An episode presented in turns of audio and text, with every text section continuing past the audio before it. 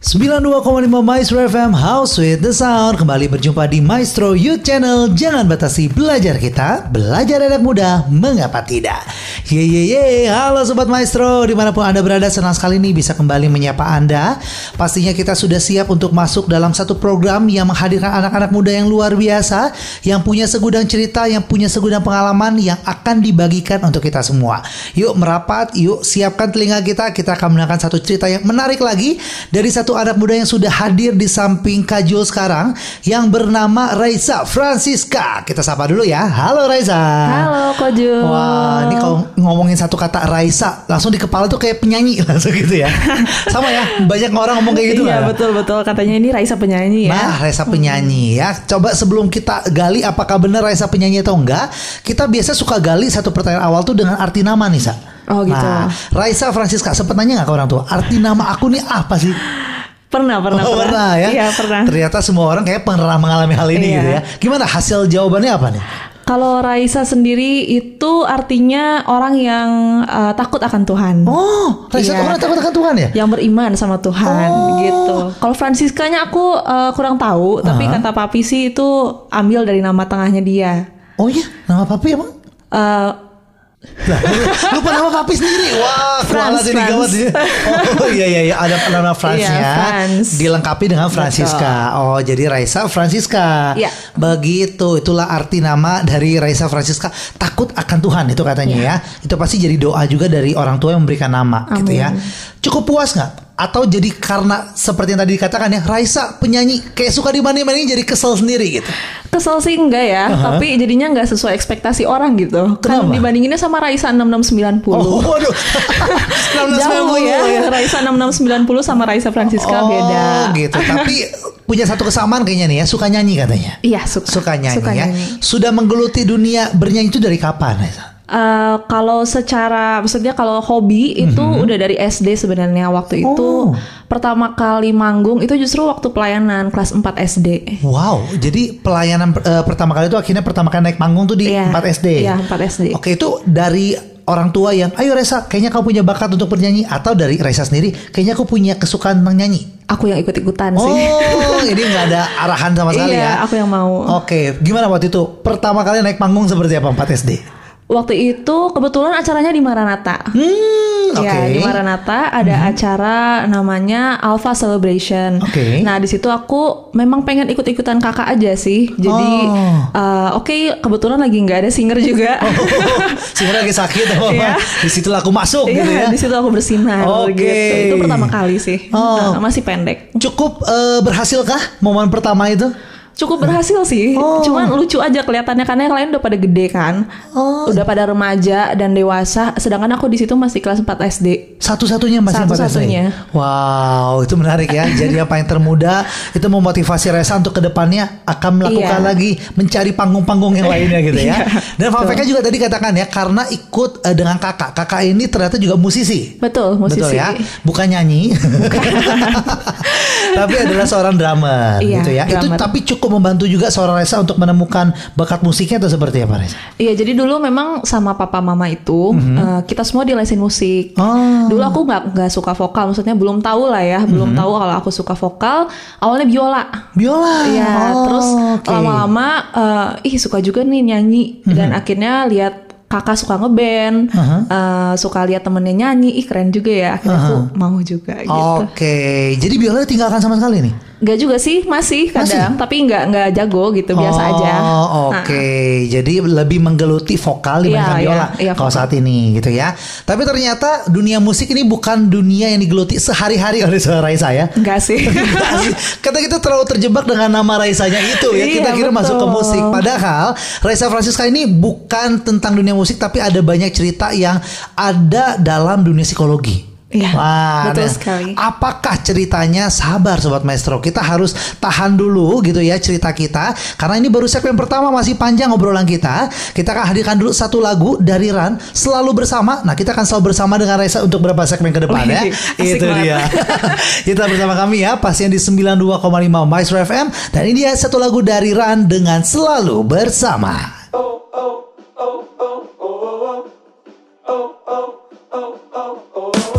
Kita Berbagi ceria Bergerak tumbuh bersama. Tiada kata lelah No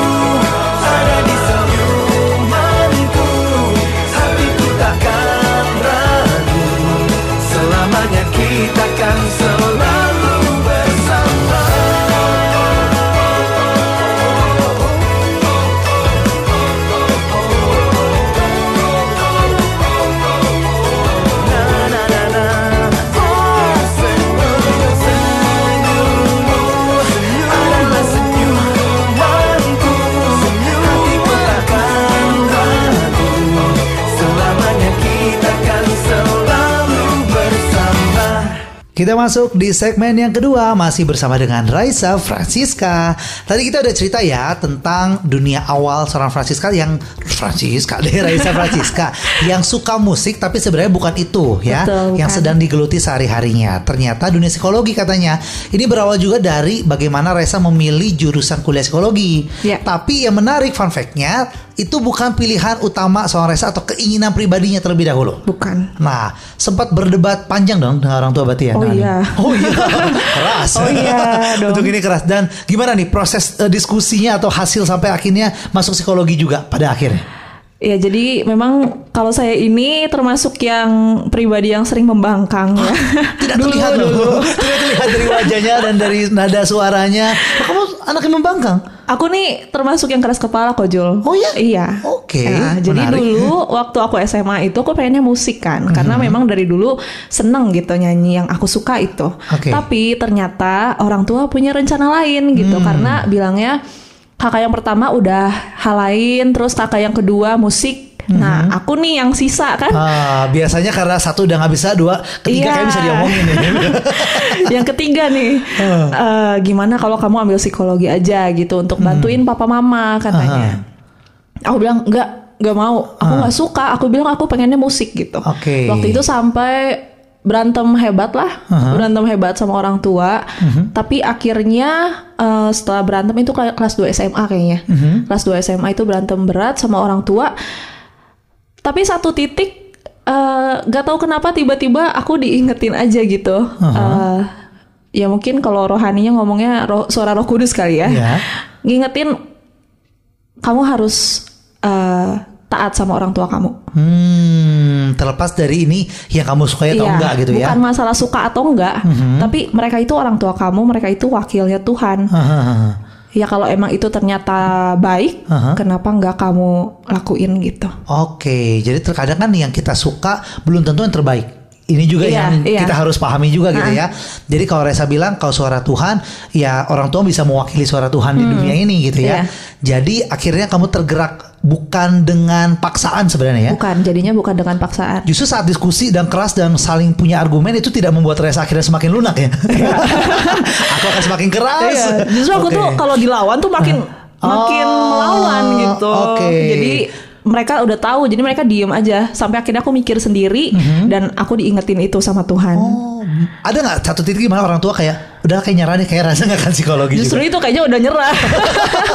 di saat menyerah akhirnya ada suara lembut ya bisa dikatakan seperti suara Roh Kudus Iya, lah ya. iya. Ya akhirnya mendengar rasa yuk coba masuk psikologi gitu. Tapi masuknya psikologi itu juga bukan tanpa alasan ya Bukan. orang tua ya karena ada satu latar belakang juga. Boleh ceritain nggak latar belakang orang tua kenapa menyuruh seorang Reza untuk masuk psikologi ini? Oke, jadi emang orang tua ini udah dari dulu uh, mereka terlibat dalam pelayanan uh, di gereja maupun sosial gitu. Jadi waktu tahun 99 itu kan uh, setelah ada Kerusuhan ya? kerusuhan. iya, Ha, iya. Jadi banyak banget tuh kok yang memang perlu bantuan secara mental.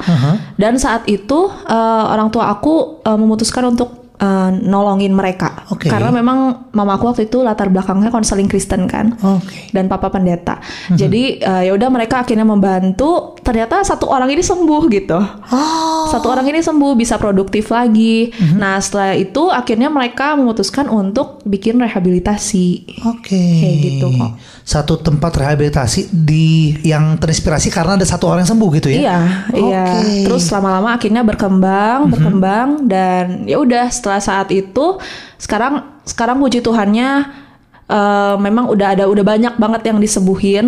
Tapi kalau sekarang ini kita ada 40-an klien gitu. Nah, makanya orang tua aku pengen aku juga bisa belajar tentang psikologi supaya suatu saat nanti aku bisa secara profesional itu membantu di rehabilitasi. Oh gitu latar belakangnya. Iya. Tapi yang aku mau tarik mundur dulu ya. Iya. Dari papa dan mama kan pendeta dan juga konseling Kristen. Apakah juga psikologi latar belakangnya? Bukan. Oh bukan. Bukan. Oh justru Makanya karena mereka itulah. pengen aku belajar psikologi. Sebagai pelengkap gitu ya. Iya. Oke, dan awalnya yang nggak mau, akhirnya sekarang sudah ya menjadi Sudah. konselor di rumah pemulihan yang eh, dimiliki oleh kedua orang tua Iya, Raisa. jadi konselor. Gitu. Gimana rasanya?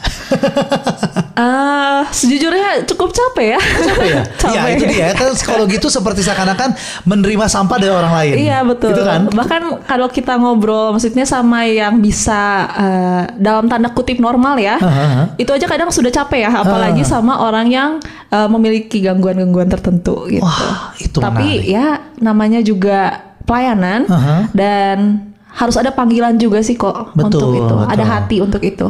Dan Reza merasa ada panggilan ya secara langsung. Iya ada. Waktu itu belum, belum terasa. Belum, kan masih masih mencari jati diri. Masih labil ya, masih lihat ke kiri, lihat ke Iya, kanan, ya iya. sama seperti Charlie Puth dan juga Jungkook yang left, right, lihat kiri, lihat kanan dulu, akhirnya menemukan orang yang tepat yang dicintai. Sama seperti Reza menemukan cintai tapi dunia psikologi Iya. ya. Kita dengar dulu ya satu lagu ini, setelah itu kita akan lanjut lagi di obrolan. Kak juga penasaran gimana caranya ngobrol atau pengalaman Reza sendiri masuk di rumah pemulihan tersebut. Nah, ini menarik ya. Pasti ada banyak cerita. Kita akan Hmm. Betul. dengarkan tapi di segmen ketiga. Untuk sekarang, ini dia satu lagu dari eh, Charlie Puth dan juga Jungkook, Left and Right untuk Anda. Memories follow me left and right. I can feel you over here. I can feel you over here. You take up every corner of my mind. What you gonna do now? Ever since the,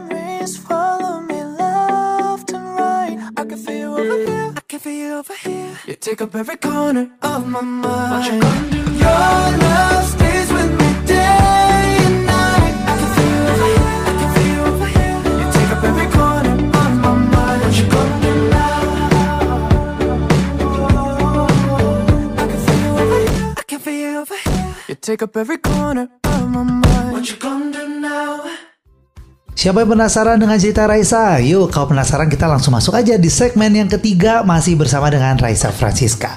Tadi udah ngobrol juga tentang akhirnya setelah berdebat panjang masuk juga dunia psikologi ya. Iya. Karena sudah masuk eh, perdebatan, akhirnya mulai mencoba mengenal psikologi, jatuh cinta juga ya sama psikologi ya. Iya, jatuh cinta. Nah, ini menarik karena Kajul pun sebenarnya pernah fun fact-nya pengen kuliah psikologi. Oh gitu. Cari tahu dong ya kan. Dipikirnya kan hebat ya bisa membaca pikiran orang lain. itu kan rahasia eh, paling umumnya Hmm. Iya, iya. seperti itu ya. Tapi setelah masuk kok ternyata banyak teori sekali Hmm. gitu ya. Kayaknya banyak eh, hal-hal yang kayak nggak sesuai dengan Kajul ya gitu. Hmm, Kalau Reza sendiri sempet cek nggak sebelum masuk dunia psikologi sesungguhnya? Enggak.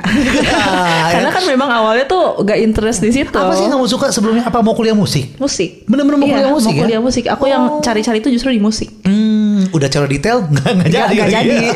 Malah masuk psikologi yang udah nggak sempat dicek sama Iya, Raisa. nggak, nggak cek. Kaget nggak saat masuk? Cukup kaget sih sebenarnya karena dapat statistika ya. Nah itu dia kan Gue ngerti psikologi jiwa Kenapa ngitung-ngitung Iya, gitu ya iya, bener. Tapi akhirnya Reza menyadari Itu jadi suatu hal yang bermanfaat Nanti buat sama Reza Eh, sebenarnya ke- dari kecil-kecil yang aku dapetin dari setiap mata kuliah itu ujung-ujungnya bermanfaat sih. Ada ya Bisa Ada. diterapkan dalam dunia psikologi Iya, ada. Kalau statistik Urusannya ke mana? Kalau statistik itu sebenarnya aku juga sampai saat ini belum terlalu yakin ya. Cuma di, di luar statistik aku eh, bisa yakin itu ada manfaatnya. Oh mungkin statistik kan buat kuliahnya ya Buat Iya, oh skripsinya iya, iya, untuk skripsinya, untuk skripsinya. Jadi lupa ya Itu juga tujuan utama Harus lulus gitu ya Iya. Tapi banyak hal yang kamu pelajari di sana Tapi yang buat kamu jatuh cinta tuh apa? Sa? Sebenarnya waktu aku belajar psikologi, mulai dari awal ya psikologi perkembangan, psikologi kepribadian, di situ ngebuka pikiran akad banget, nyiptain setiap manusia bukan cuman beda fisik doang, Iya, iya, tapi iya, mereka dari syaraf-syarafnya pun dan eh, cara berpikirnya, emosinya itu semua berbeda gitu. Dan eh, kalau misalnya kita ngelihat eh, secara umum, kita cuma lihat orang dari luar ya, Betul tapi kita nggak ngelihat ada berapa layer orang itu punya. Oh Dan itu yang menarik menurut aku sih. Mhm. Jadi di saat aku ngobrol sama orang, Aha. aku belajar untuk bisa ngelihat nggak langsung ngejudge orang itu dulu gitu. Oke, jadi setiap kata Reza tadi ya, setiap manusia punya layer-layer yang bisa kita lihat Hmm. dan itu layer-layer tersebut bisa di, kita gali satu persatu dari dunia psikologi. Iya. Oke, bisa nggak ngejudge orang lain, itu juga didapat dari dunia psikologi ya. Betul. Tapi pas lulus, kita langsung masuk ke cerita kelulusan soal Raisa gitu Hmm. ya. Kita balik lagi ke cerita tadi, Papa Mama udah menunggu, menunggu Raisa nih ya Iya, untuk langsung masuk ke tempat rumah pemulihan yang dimiliki oleh orang tua. Langsung mau nggak? Hmm, ini kan menarik ya. Karena siapa tahu ternyata seorang Reza kayak aku pengen menggali yang hal lain lagi boleh nggak? Kan udah nurut nih Nah, kalau. itu. Nah ini ada ya berarti ya. Ada. Gimana, Emang ini gimana? membangkang partu. Oh, Oke, cerita membanggang Iya, partunya gimana nih? Jadi setelah lulus nih kan, Aha. aku tuh udah udah suka nih sama psikologi, udah berhasil lah ya, Oke. udah luluh hatinya. Aha. Oke, aku mau bantu di eh, rehab. Tapi boleh nggak aku cari dulu di luar gitu? Aku bantu, dulu. maksudnya aku kerja dulu di luar cari pengalaman di Hmm. Iya, luar iya, gitu. Eh, tapi orang tua aku bilang, "Em, janganlah, udah langsung bantu aja di yayasan gitu ya. Kan yayasan itu ada beberapa ya, ada sekolah, ada rehab dan lain-lain. Hmm. Oh, oke. Bantu dulu lah di sekolah gitu. Mhm. Terus eh, akhirnya aku bilang, aku nggak ada panggilan di situ. Aku bilang, Oh, nggak ada panggilan. aku nggak ada panggilan bantu di sekolah. Nggak mau. Pokoknya aku pengen di eh, sekolah. Maksudnya sekolah luar kayak misalnya jadi guru BK Oke. gitu. Ah, itu aku mau. Atau misalnya jadi HRD di perusahaan aku mau. Pengen nyoba dulu gitu. Mhm. Terus tiba-tiba em, dua minggu setelah aku tolak, Mhm. tangan kanan mamanya aku itu meninggal. Hah? Iya. Wow, Dua minggu setelah aku tolak. sakit atau sakit tiba-tiba? sakit mah Sakit mah. tapi tiba-tiba banget Wow. iya dan setelah itu eh, ya udah mama aku kan pasti langsung hancur lah ya Ah. aduh ini gimana Orang kerjaan kepercayaan Ah, orang desa. kepercayaannya eh, mas- eh, ma- harus masih banyak tanggung jawab yang harus diselesaikan tapi Ah. udah nggak ada gitu Aha. terus aku nggak langsung mau sih Apa kan Masih. pembangkang dengan status anak pembangkang mana mau langsung seperti itu gimana dong? langsung mau Aha. kayaknya ada sebulan dulu deh setelah itu sebulan. Posisinya aku waktu itu baru beres sidang. Aha. Sebulan aku lihat mamaku nangis terus tiap hari. terus akhirnya pada saat ya suatu saat lagi lah pokoknya aku juga ngerasa itu bukan aku yang menggerakkan diri aku sendiri Iya, iya, gitu iya, iya. tiba-tiba hati aku digerakkan aja gitu kayak eh, ayo bantulah gitu Hmm. Ya udah saat itu aku langsung kayak dengan rela hati sama kejadiannya kayak waktu SMA dengan rela hati ya udahlah aku bantu aja dulu Ini mama juga kaget ya. Ah, Ini kan anaknya tadi keras Iya. banget nggak mau gitu. Gak mau dan mama juga udah nggak udah nggak berusaha untuk meyakinkan aku lagi Ah, tapi tiba-tiba karena ya itu panggilan dalam hati sama Reza ya, Iya. kayak nggak tega juga untuk melihat mama setiap hari eh, menangis gitu ya Iya. dengan banyak kesusahannya tapi sebenarnya bukan karena nggak teganya Oh, bukan? bukan karena kan udah sebulan kok itu setelah setelah tangan kanannya meninggal Iya juga ya. kalau misalnya aku karena kasihan pasti aku langsung tapi ini aku udah nunggu sebulan dulu Mhm. setelah dianya juga udah agak sedikit reda Mhm. baru di situ nggak tahu aku tergerak aja hatinya Wah, udah lagi tidak mengatakan tidak gitu ya. Katakan iya sekarang ya. Hmm. Ini kebalikan sama Afgan. Kok Afgan ngomongnya katakan tidak? Ada satu Oh, lagu gitu. gitu. nah, kita akan dengarkan dulu lagu ya Afgan katakan tidak. Baru setelah itu kita akan dengarkan lagi. Belum masuk loh cerita bagaimana seorang Reza akhirnya masuk ke dalam rumah pemulihan tersebut. Iya. Nah, ini akan kita gali di segmen yang keempat ya. Oke. Tetap bersama kami di 92,5 Maestro FM House with the Sound. It's so good to be back. And there's something I want to say. Are you ready? Uh, now, drop the beat, yo. Kekasihku jangan macam-macam padaku Cukup satu macam saja kepadaku Jangan terus kau bagi-bagi cintamu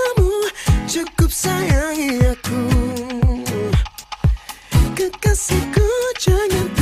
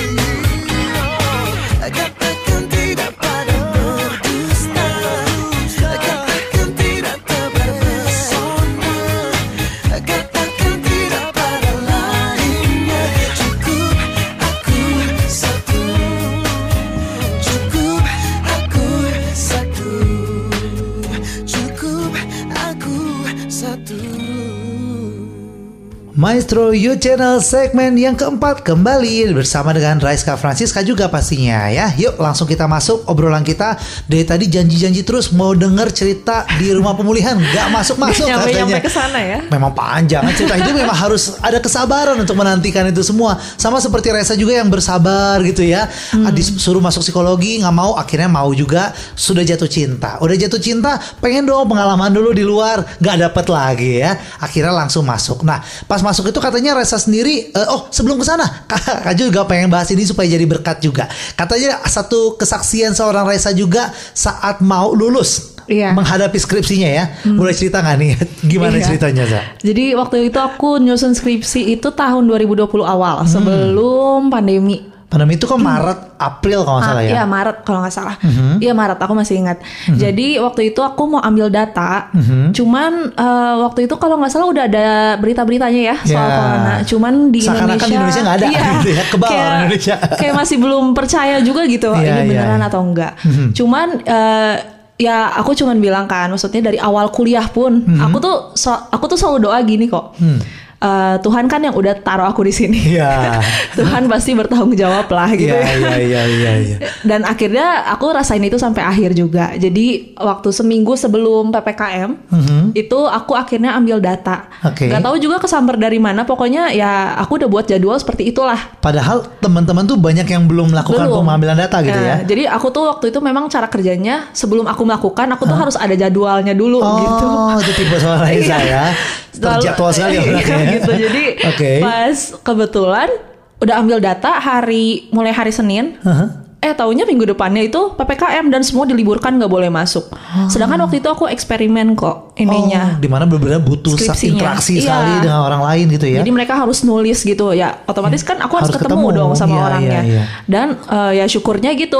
Seminggu sebelum PPKM, aku udah ambil data. Jadinya waktu PPK, PPKM diberlakukan, aku tinggal mengolah datanya. Sibuk mengolah data, Iya. teman-temannya sibuk mencari jalan keluar. Mentok.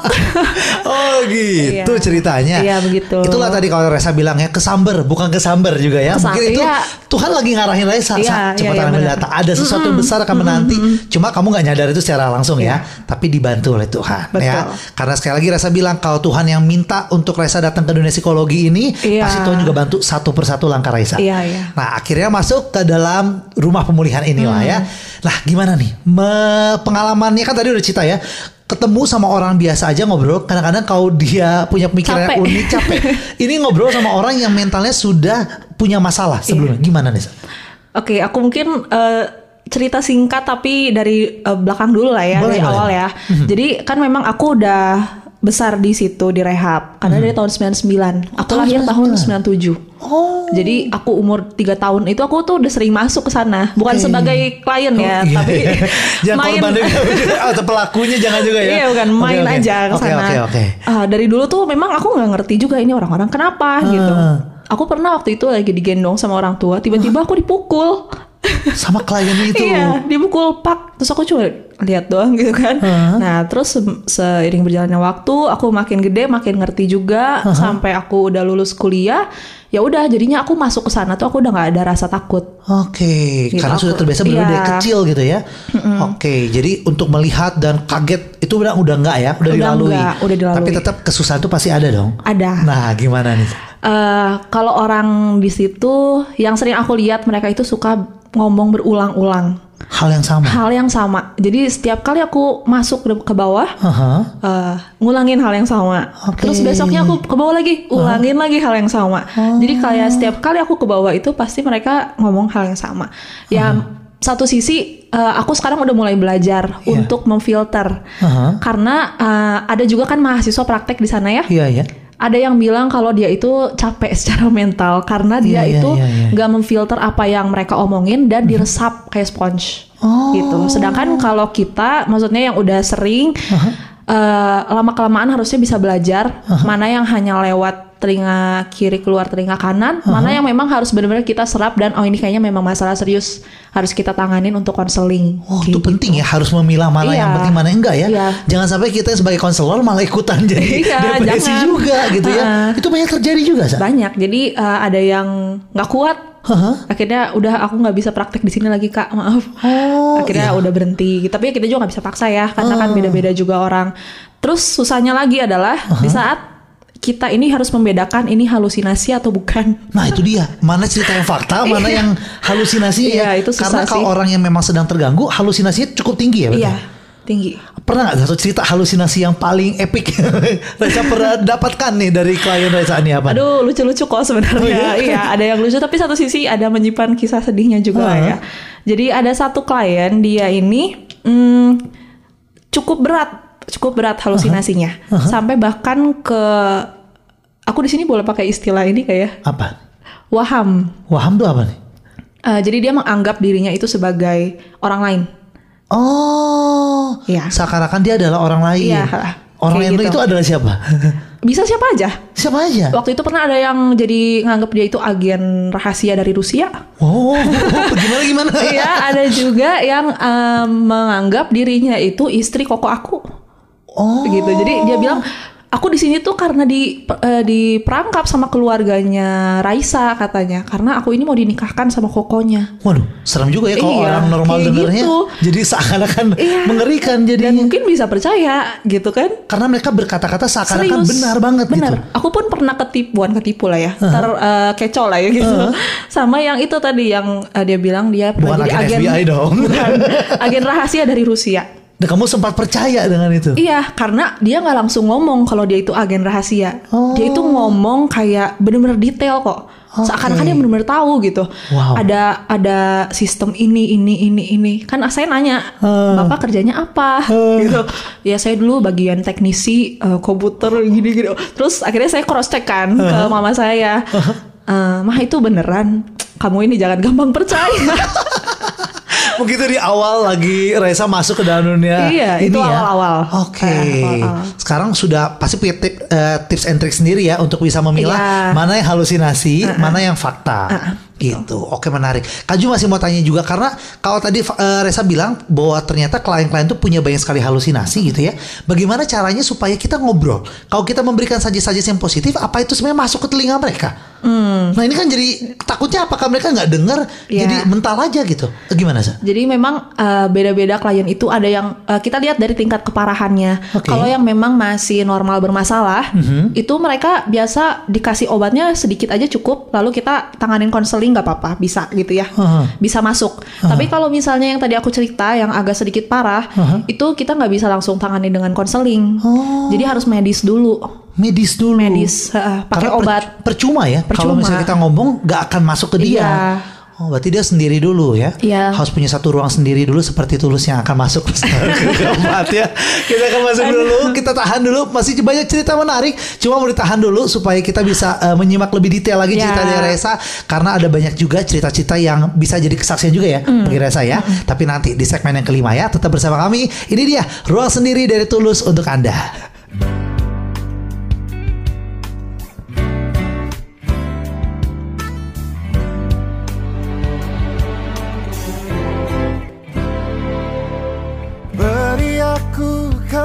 Kesempatan untuk bisa merindukanmu. Jangan datang terus. Beri juga aku ruang bebas dan sendiri. Jangan ada terus. Aku butuh tahu Seberapa ku butuh kamu Percayalah rindu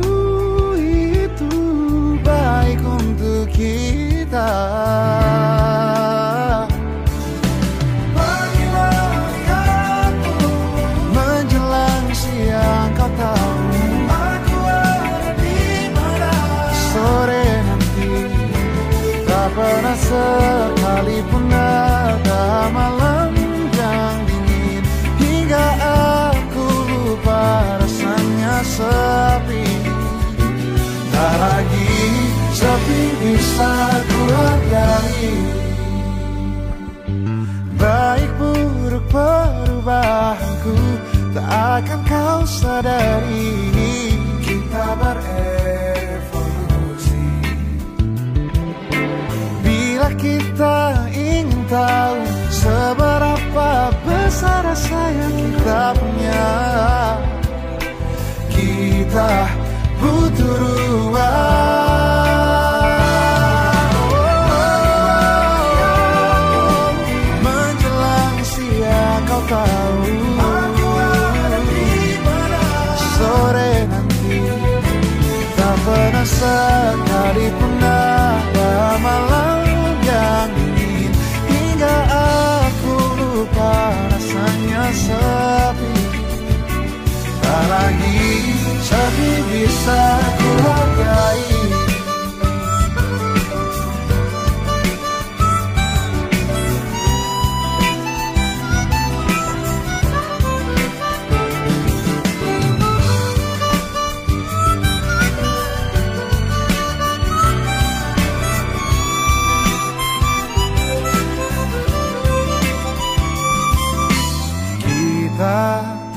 butuh ruang sendiri-sendiri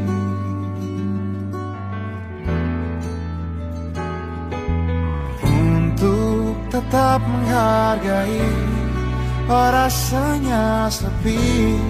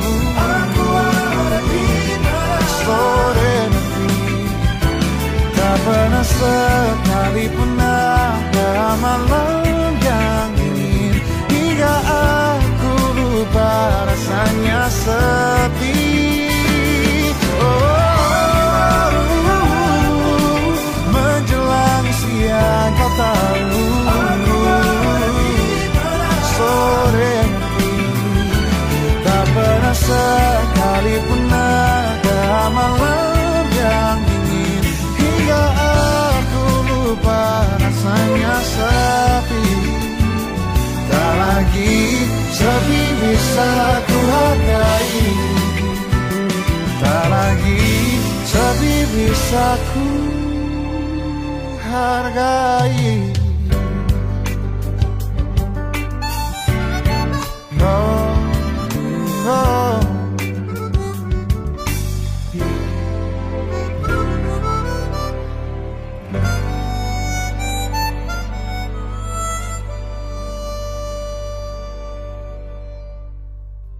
Tidak terasa kita sudah masuk di segmen yang kelima dalam Maestro Youth Channel. Jangan batasi belajar kita, belajar anak muda, mengapa tidak? Yuk kita bahas lagi obrolan kita yang menarik ini masih bersama dengan Raisa dan ada sebelum kita membuka eh, segmen kelima ini Tadi Kajul dapat satu fun fact dari Reza yang cukup menyedihkan. Reza buat satu statement bahwa sekarang ternyata yang masuk dalam eh, rehabilitasi itu adalah anak-anak muda. Iya. Karena Kak juga berpikir pasti mungkin orang-orang tua yang mungkin sudah nggak ada kegiatan, mulai overthinkingnya tinggi gitu. Itu kan kebanyakan terjadi. Tapi Reza katakan banyak anak muda. Iya. Gimana nih gambaran rehabilitasi yang Reza lihat sendiri sehari-hari? Iya, jadi eh, memang kemarin-kemarin ini sebelum pandemi yang sering masuk itu orang tua. Tapi nggak tahu kenapa sekarang eh mereka itu anak muda. Dalam arti anak muda nggak cuman ada yang belasan tahun, Belasan tahun. ada ada juga yang memang udah 27, 28 kayak gitu, ada. Harusnya masih dalam usia usia produktif gitu iya, ya. harusnya. Tidak eh, sampai dalam tahap rehabilitasi seharusnya gitu ya. Tapi itu banyak dijumpai. Iya. Permasalahannya Reza? Eh, permasalahannya itu macam-macam, tapi yang kemarin ini aku tangani itu dia punya gangguan kecemasan sih. Itu eh, memang diagnosa dari psikolognya dia. Karena aku kan belum psikolog ya, Iya, aku iya, masih S1 psikologi. Jadi eh, gangguan katanya dia ada gangguan kecemasan. Eh, cuman karena setelah pandemi ini dia tidak ter- terbiasa untuk kuliah offline lagi. Jadi muncul banyak kekhawatiran-kekhawatiran. Terus bahkan suara HP aja itu dia bikin dia langsung Cemas. Cemas. Aduh, anak kuliah berarti Iya. ya belasan ya? Iya. Wah. Cuman memang yang menariknya ini kok. Hah. Waktu aku tanya lagi lebih dalam gitu ya. Sebenarnya anak-anak muda ini tuh punya banyak keinginan. Oh. Harapan mereka tuh tinggi. Iya, iya, tapi iya, iya.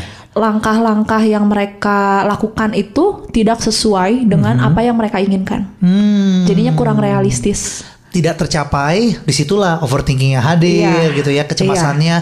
Apalagi ya itu ya kita melihat media sosial sekarang menampilkan segala hal yang baik. betul. Mereka mulai membandingkan dirinya dengan apa yang mereka lihat di media sosial. Iya. Itu sangat mempengaruhi sampai ke masuk rehabilitasi.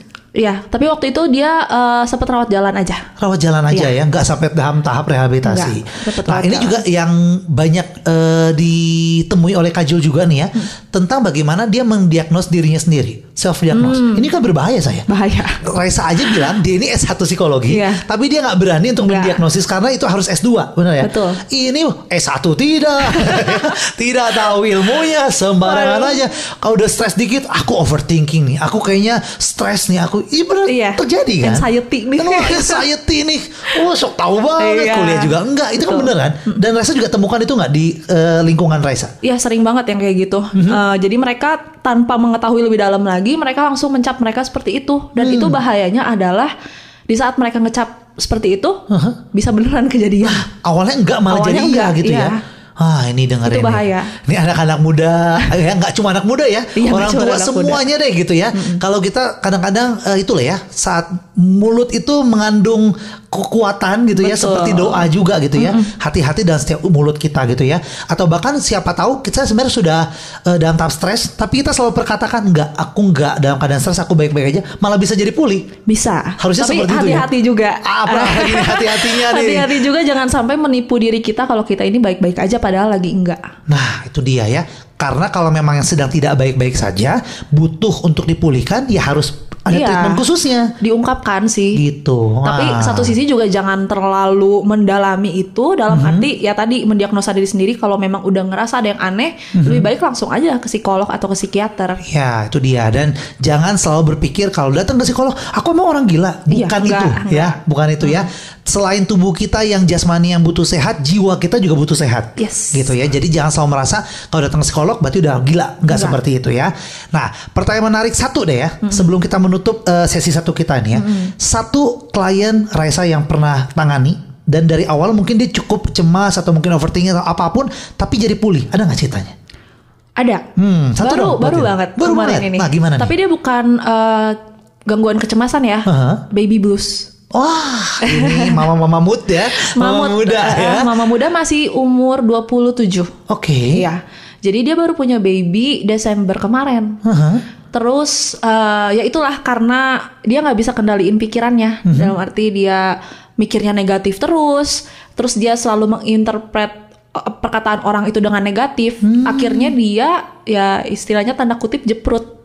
Jeprut. Itu Jeprut apa kita suka ngomong gitu, Apa jeprut itu jeprut? konslet. Oh, konslet. Konslet. Oh, gitu. Tapi itu masih bisa ditangani karena dia nggak nggak terlalu lama di kita dua dua setengah bulanan. Itu rehabilitasi. Iya dia masuk. Tapi babynya gimana? Ya babynya jadi sama suaminya dulu dan ditangani sama suster gitu. Oh. Oke. Nah akhirnya dibimbing eh, sama aku sama mama juga Hmm? di konseling. Eh, ya kita kita kan karena ber- ber- berbasisnya kekristenan juga. Iya, iya. Jadi s- konseling sekalian juga perkenalkan Kristus gitu ke mereka. Oke. Karena kita percaya kalau misalnya cuman dengan obat Mhm. itu memang membantu. Betul. Tapi dasarnya itu kan nggak ada. Hmm. Nah jadi dengan kasus yang ini eh, awalnya juga dia karena emang dari, eh, dari sananya orangnya udah sensitif. Mhm. Jadi kalau misalnya ada orang misalnya mertua nyeletuk Iya. sedikit, wah langsung masukin ke hati Oh. gitu kan. Padahal maksud mertua tuh nggak begitu mungkin. Iya, iya, iya, nah iya, akhirnya ya udah kita coba untuk kasih input yang positif ke dia. Mhm. Coba lihat dari berbagai sisi, jangan cuman dari em, satu sisi aja yang negatif. Pasti ada ada hal positif yang lain. Atau mungkin mertua cuma nyeletuk tapi maksudnya bukan ke kamu mungkin Iya, atau iya, gimana. Jadi iya, kita iya. kasih kasih insight-insight baru gitu ke dia supaya dia bisa berpikir dari sudut yang lain. Nah baru setelah itu dikasih firman Tuhan juga. Itu kasih, basicnya. kasih pegangan gitu ah, ke itu dia. supaya jangan terjadi lagi hal Iya, seperti ini, heeh. gitu Dan ya. puji Tuhan sekarang dia udah keluar sih, udah Sudah stabil. wah, dua setengah bulan aja ya. dua setengah hampir tiga bulan lah. Wah, itu dia. Itu satu kebahagiaan yang melebihi uang, Iya. melebihi apa pun gitu ya. Melihat orang yang kita bantu dan bisa pulih seutuhnya. Itu luar biasa, pasti bahagia. Sama seperti Hi-Fi juga ya pasti bahagia gitu ya. Iya dong. Nah, ini juga Reza juga ikut bahagia. Nah, tapi ini belum selesai nih Sobat Maestro. Jangan bahagia cuma dengar cerita di sesi satu aja. Kita punya sesi kedua, tapi kita akan break dulu. Sesi kedua Reza masih punya banyak cerita yang akan diceritakan atau mungkin yang mau tertarik juga dengan dunia eh, apa rumah pemulihan lebih tepatnya. Ini juga kita akan bahas lebih lagi juga ya. Ya. Tapi di sesi kedua tetap bersama kami ya di 92,5 Maestro FM House with the Sound.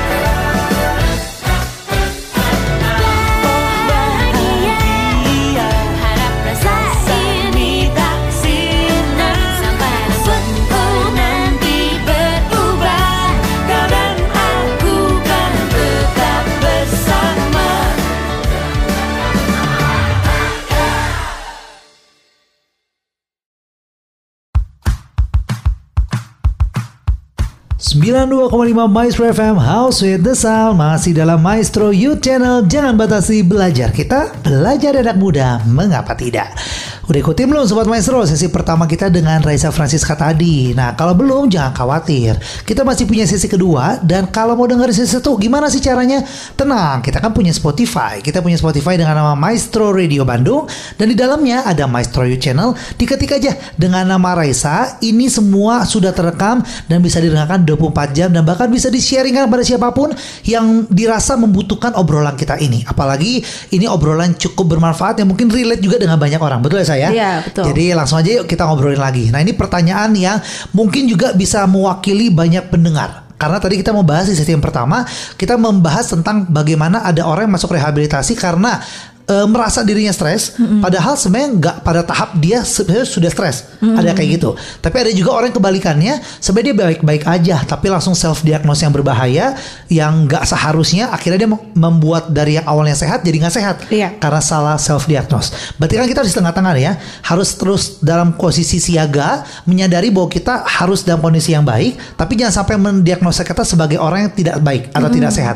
Gimana cara kita tahu bahwa kita ini sudah dalam tahap butuh penanganan psikologi atau masih dalam tahap wajar yang tidak perlu penanganan psikologi? Gimana nih tahu gejalanya Sa? Oke, aku ini ngomongin secara umum ya. Mhm. Kalau kita sebenarnya simple aja sih. Kalau kita ngerasa kita udah nggak ada semangat, Oh semangat udah loh. iya udah nggak ada semangat untuk melakukan aktivitas sehari-hari, terus udah nggak bisa merawat diri sendiri yang awalnya sering misalnya ya sering rapihin tempat tidur, kelama kelamaan jadi aduh nggak ada semangat untuk ngelakuin itu misalnya ya.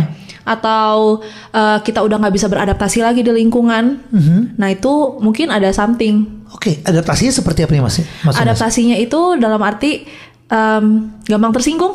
Oh, Ah, ah, gampang tersinggung dengan hal-hal yang biasanya nggak bikin kita tersinggung. Oke. Gitu. Tapi itu mungkin kita harus lihat juga jangka waktunya. Mhm. Misalnya itu baru terjadi mungkin eh, beberapa hari, Mhm, ya itu jangan, misalnya jangan langsung, wah gua gua gimana nih gitu Iya, ya. iya, iya, iya, iya. Kita lihat dulu aja nih. Jadi diri kita ya harus bisa ngelihat kondisi sendiri juga sih. Misalnya udah berjalan, udah tiga bulan, wah itu Hmm. Iya. berarti ada satu yang ada ada yang salah. Oke, harus ditangani Iya, gitu ya. heeh. Jadi tadi kalau Reza tekankan bagaimana adaptasi dan Semangat juga hidup. tadi dari semangat. Ini dua hal yang sangat penting sekali ya. Sih. Orang kehilangan semangat itulah jadi awal permasalahan dari segala hal Iya, sebenarnya ya.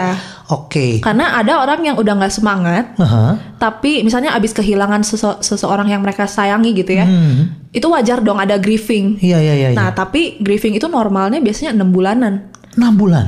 tiga bulan, enam bulan, Aha. yang paling lama setahun lah. Aha. Nah tapi setelah setahun itu nggak ada perubahan, masih sama, nggak ada semangat hidup, nah itu tandanya ada something harus dicek. Oke, itu dia ya. Jadi ini bisa dengar Ya, oleh dari siapa waktunya saja. juga. Dari jangka waktunya Jangka ya, waktu. jangan seminggu langsung nih kayaknya Iya. udah ini nih. Itu Iya. mungkin lagi capek aja betul. gitu ya. Itu banyak hal dan sangat wajar ya kalau terjadi seperti itu ya Yes. saya. Oke, dan yang menarik juga dari tentang rumah pemulihan yang dijalankan oleh Reza ini. Ini kan berarti bisa dikatakan adalah yayasan dari keluarga, betul ya saya? Iya, dari keluarga. Dan ini bukan tujuan utamanya adalah untuk profit, betul ya? Bukan, bukan. Karena dari awal juga namanya yayasan gitu ya. Lahir dari kerinduan papa mama dalam dunia pelayanan juga. Iya. Berarti setiap yang masuk ke sini apakah harus mendaftar atau seperti apa sih? Sa? Jadi kalau di kita itu sebenarnya konsultasi itu gratis. Mhm. Jadi kalau misalnya mau nanya-nanya dulu itu boleh langsung datang. Mhm. Nah baru setelah itu, tapi biasanya yang datang tuh keluarga sih.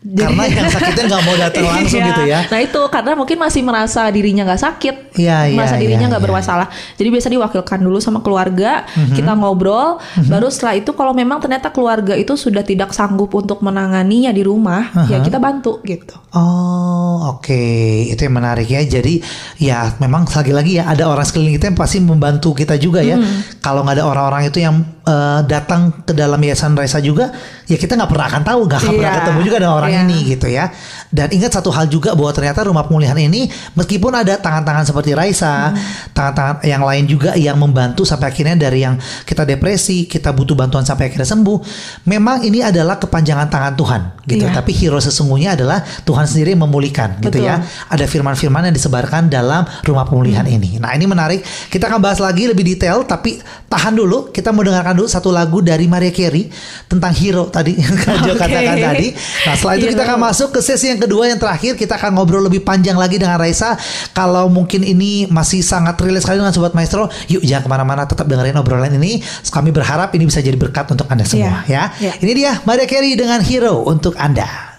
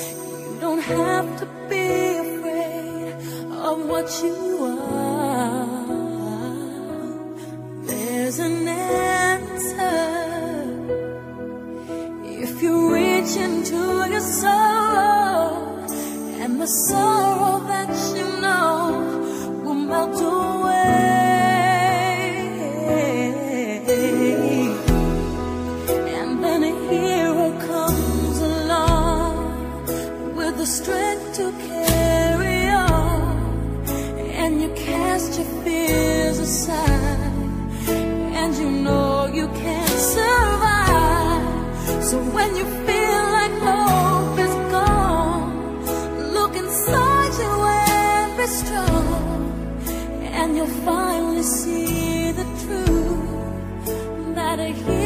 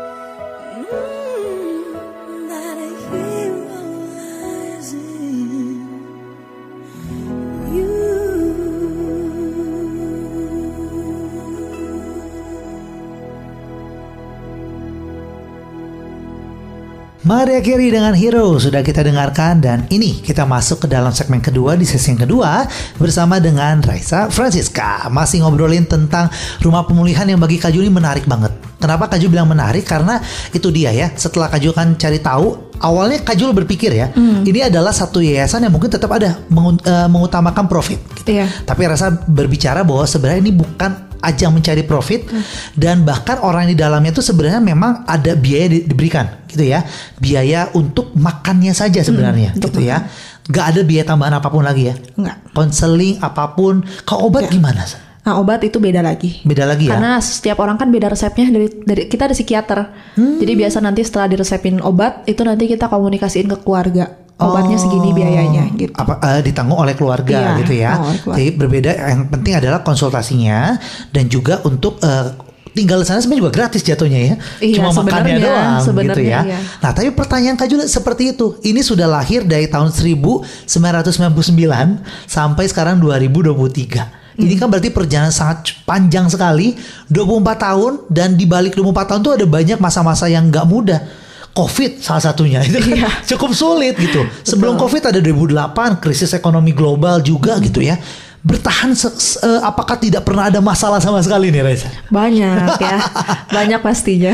Banyak Apalagi ya? pas Covid. Oh, pas COVID ya? Pas COVID itu kan uh, keluarga juga mungkin agak kesusahan untuk bayar biaya makanannya. Mhm. Jadi uh, otomatis kan dari kita juga harus nombok gitu. Aha. Sampai waktu itu sempat gak kebayar tuh tagihan-tagihan sayur-sayuran, beras Hmm. kayak gitu waktu 2020 kalau nggak salah. 2020 berarti ini awal-awal pandemi ya? Iya, sempat kayak gitu. Iya karena pasiennya juga eh, keluarganya dalam kesusahan COVID dan secara langsung juga keluarga Reza kan juga bukan kebal COVID ya, Iya. bukan kebal masalah eh, segala hal itu. Bagaimana mengatasinya, Sa?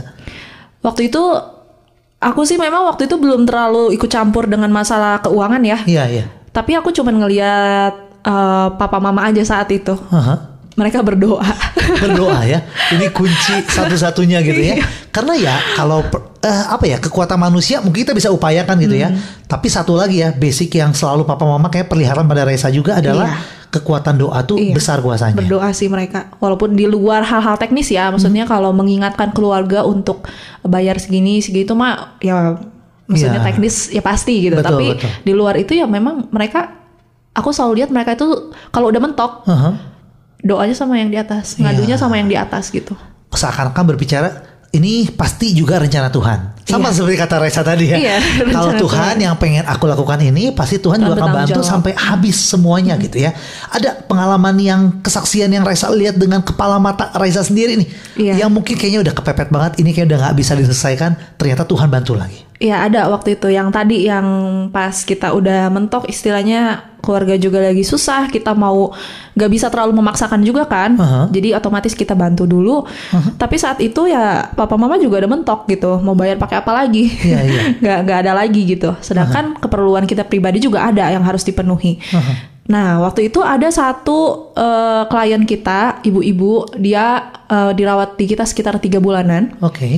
dia termasuk bukan yang cukup parah, dia normal bermasalah kayak gitu. Dan eh, akhirnya saat itu dia puji Tuhannya sembuh.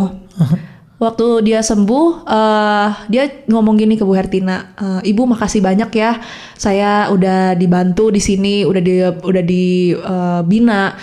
Nanti kalau saya keluar dari sini, saya akan memberkati soteria katanya gitu. Oh, oke. Tapi karena posisinya saat itu ibu itu adalah mantan klien, jadi Aha. kan bu, eh, mama saya juga nggak terlalu gimana ya, nggak Takut itu terlalu. adalah bagian dari halusinasi.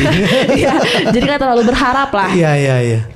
Eh, sampai suatu saat seminggu nggak ada apa-apa, dua minggu nggak ada apa-apa. Aha. Waktu itu hampir sebulan lah. Oke. Nah waktu itu hari itu mama saya ngomong, aduh mami udah nggak ada duit katanya. Oke. Terus sorenya tiba-tiba pas ngecek, tiba-tiba masuk uang dengan nominal tertentu. Wow, udah itu yang cukup lah gitu. sangat-sangat cukup ya untuk Yang cukup. menutupi segala permasalahan di detik itu dulu deh, Iya. nggak usah ngomong yang ke depan atau gimana ya. Iya, gitu. Wow. Jadi kadang kita kan berharap gimana kita bisa cuan, gimana kita bisa dapat profit sebanyak mungkin gitu. Hmm. Iya, iya, iya. Tapi kadang kenyataannya di dunia pelayanan itu nggak selalu tentang itu gitu. Iya, iya. Kadang memang ada keluarga yang nggak sanggup bayar sama sekali. Mhm. Ya udah, mau gimana? Itu gimana, Sa? Kita Lagi-lagi kita terima. Terima. Selagi kuotanya masih mencukupi kita untuk menyanggupi kita untuk eh, membiayai mereka gitu. Oke, ini ya- mungkin juga jadi pertanyaan banyak orang gitu ya. Atau mungkin sekarang banyak yang mendengarkan yang kayaknya aku pengen deh butuh deh ada keluarga aku atau mungkin aku pribadi yang butuh eh, rumah pemulihan ini. Tapi yang tadi kalau biaya aku bener-bener nggak ada nih. Misalnya kalau untuk obat kan sebenarnya di luar ke Iya, di luar. bantuan ya. Itu ada nggak sampai yang bener-bener obat pun nggak bisa bayar sama sekali. Ada. Itu gimana? ya kita jaga aja. kita jaga, kita doain, kita bimbing, kita bina tanpa obat. Ya udah mau gimana lagi Oh gitu. bisa juga pembinaan tanpa obat. Bisa kalau memang keluarganya nggak sanggup untuk bayar, Aha. ya kita terpaksa binanya secara rohani aja sama secara uh, psikologis. Wow. Dan, dan sekali lagi ya, kalau dibilang eh, kayak nggak mungkin dong, mana mungkin kalau kita nggak nyari profit bisa bertahan. Iya. 24 tahun adalah jawaban saksi bisunya Iya, gitu ya. bener. Yang sampai saat ini masih berjalan dan membuktikan bahwa Tuhan menyertai rumah pemulihan ini. Iya. Gitu ya. Selama ada niat baik, Tuhan pasti akan bantu. Itu yang sangat dipercaya oleh Rasa dan juga keluarga. Gitu ya. Dan tadi kita sempat bahas juga satu topik yang menarik ini adalah sempat anak muda eh, mengatakan di salah satu podcast di YouTube gitu ya, berkata bahwa aku akan menjadi baik atau berbagi kasih kepada banyak orang kalau aku sudah kaya gitu ya. Iya. Dan ini sangat ditentang sekali oleh Raisa gitu ya. Kenapa saat tunjukkan argumenmu? Kenapa Oke. kamu sangat tidak setuju dengan statement yang satu ini? Sebenarnya menentang 100% juga enggak ya. Aha. Tapi aku nggak percaya kita harus jadi kaya dulu baru bisa berbuat baik gitu. Sebenarnya yang dia omongin itu sangat realistis menurut aku. Karena mungkin dia mikirnya itu membantu orang dalam arti membantu secara materi. Kalau itu ya oke lah, aku Oke. juga setuju.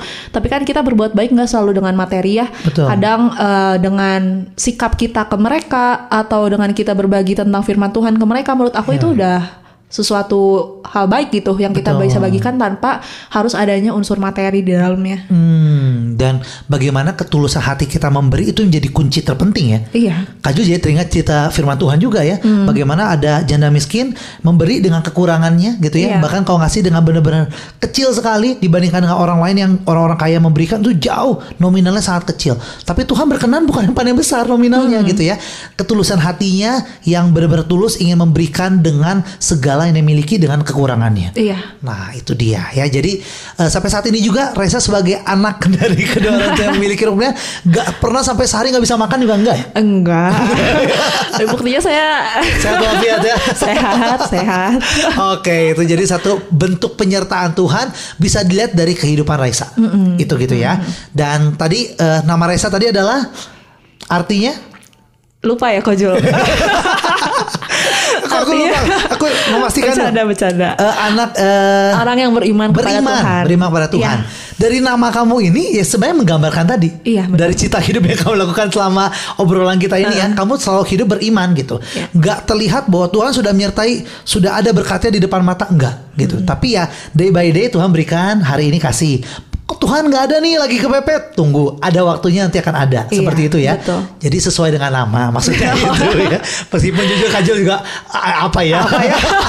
Tapi Gak puji Tuhan apa-apa. sesuai dengan namanya gitu ya.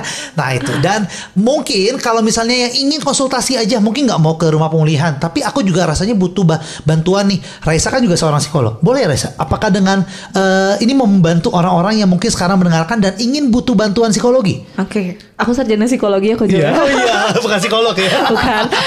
Boleh sebenarnya boleh kontak aku secara pribadi langsung sih. Kalau misalnya teman-teman masih sungkan untuk kontak ke yayasan, boleh ke aku dulu nanya-nanya dan eh, konsultasi aja gitu kayak ke temen lah gitu. Iya, iya. Apakah ini perlu dirawat atau hanya perlu rawat jalan? Baiknya bagaimana? Itu bisa nanya ke aku. Oke, dan Reza sangat terbuka sekali berarti ya. Iya, iya. Dan sekali lagi bukan dipungut biaya, bukan Nggak, nyarinya eh, apa ya, bukan mencari benefit juga dari ini ya. Sekali lagi ya, Reza pure ingin membantu setiap orang-orang mendengarkan juga, Iya. gitu ya.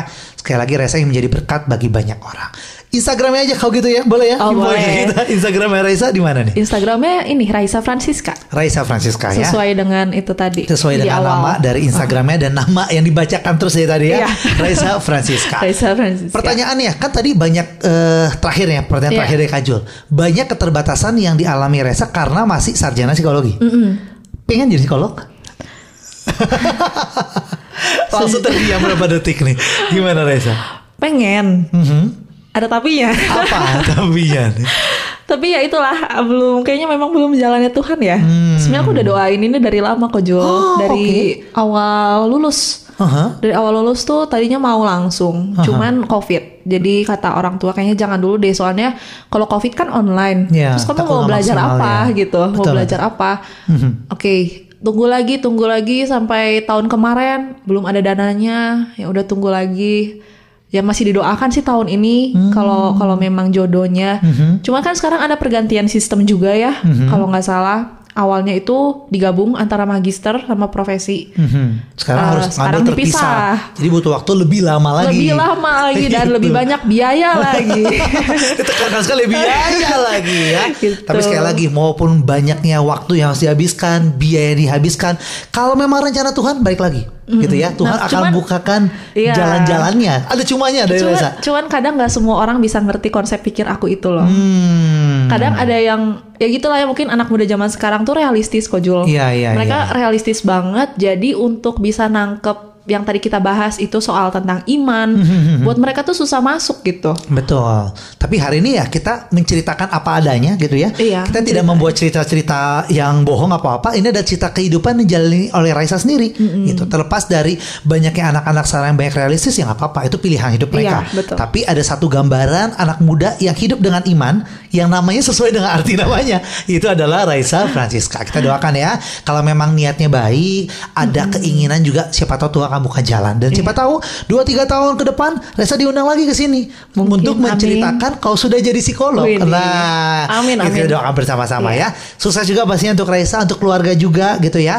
Dan Tuhan pasti akan jagai terus rumah pemulihan ini karena niat yang baik juga untuk membantu banyak orang ya. Iya. Dan terima kasih Sobat Maestro juga sudah mendengarkan obrolan kita kurang lebih dua jam ke belakang. Berharap bisa menjadi berkat untuk banyak orang juga. Dan sekali lagi, jika Anda merasa ini bisa menjadi berkat, jangan lupa untuk sebarkan cerita ini.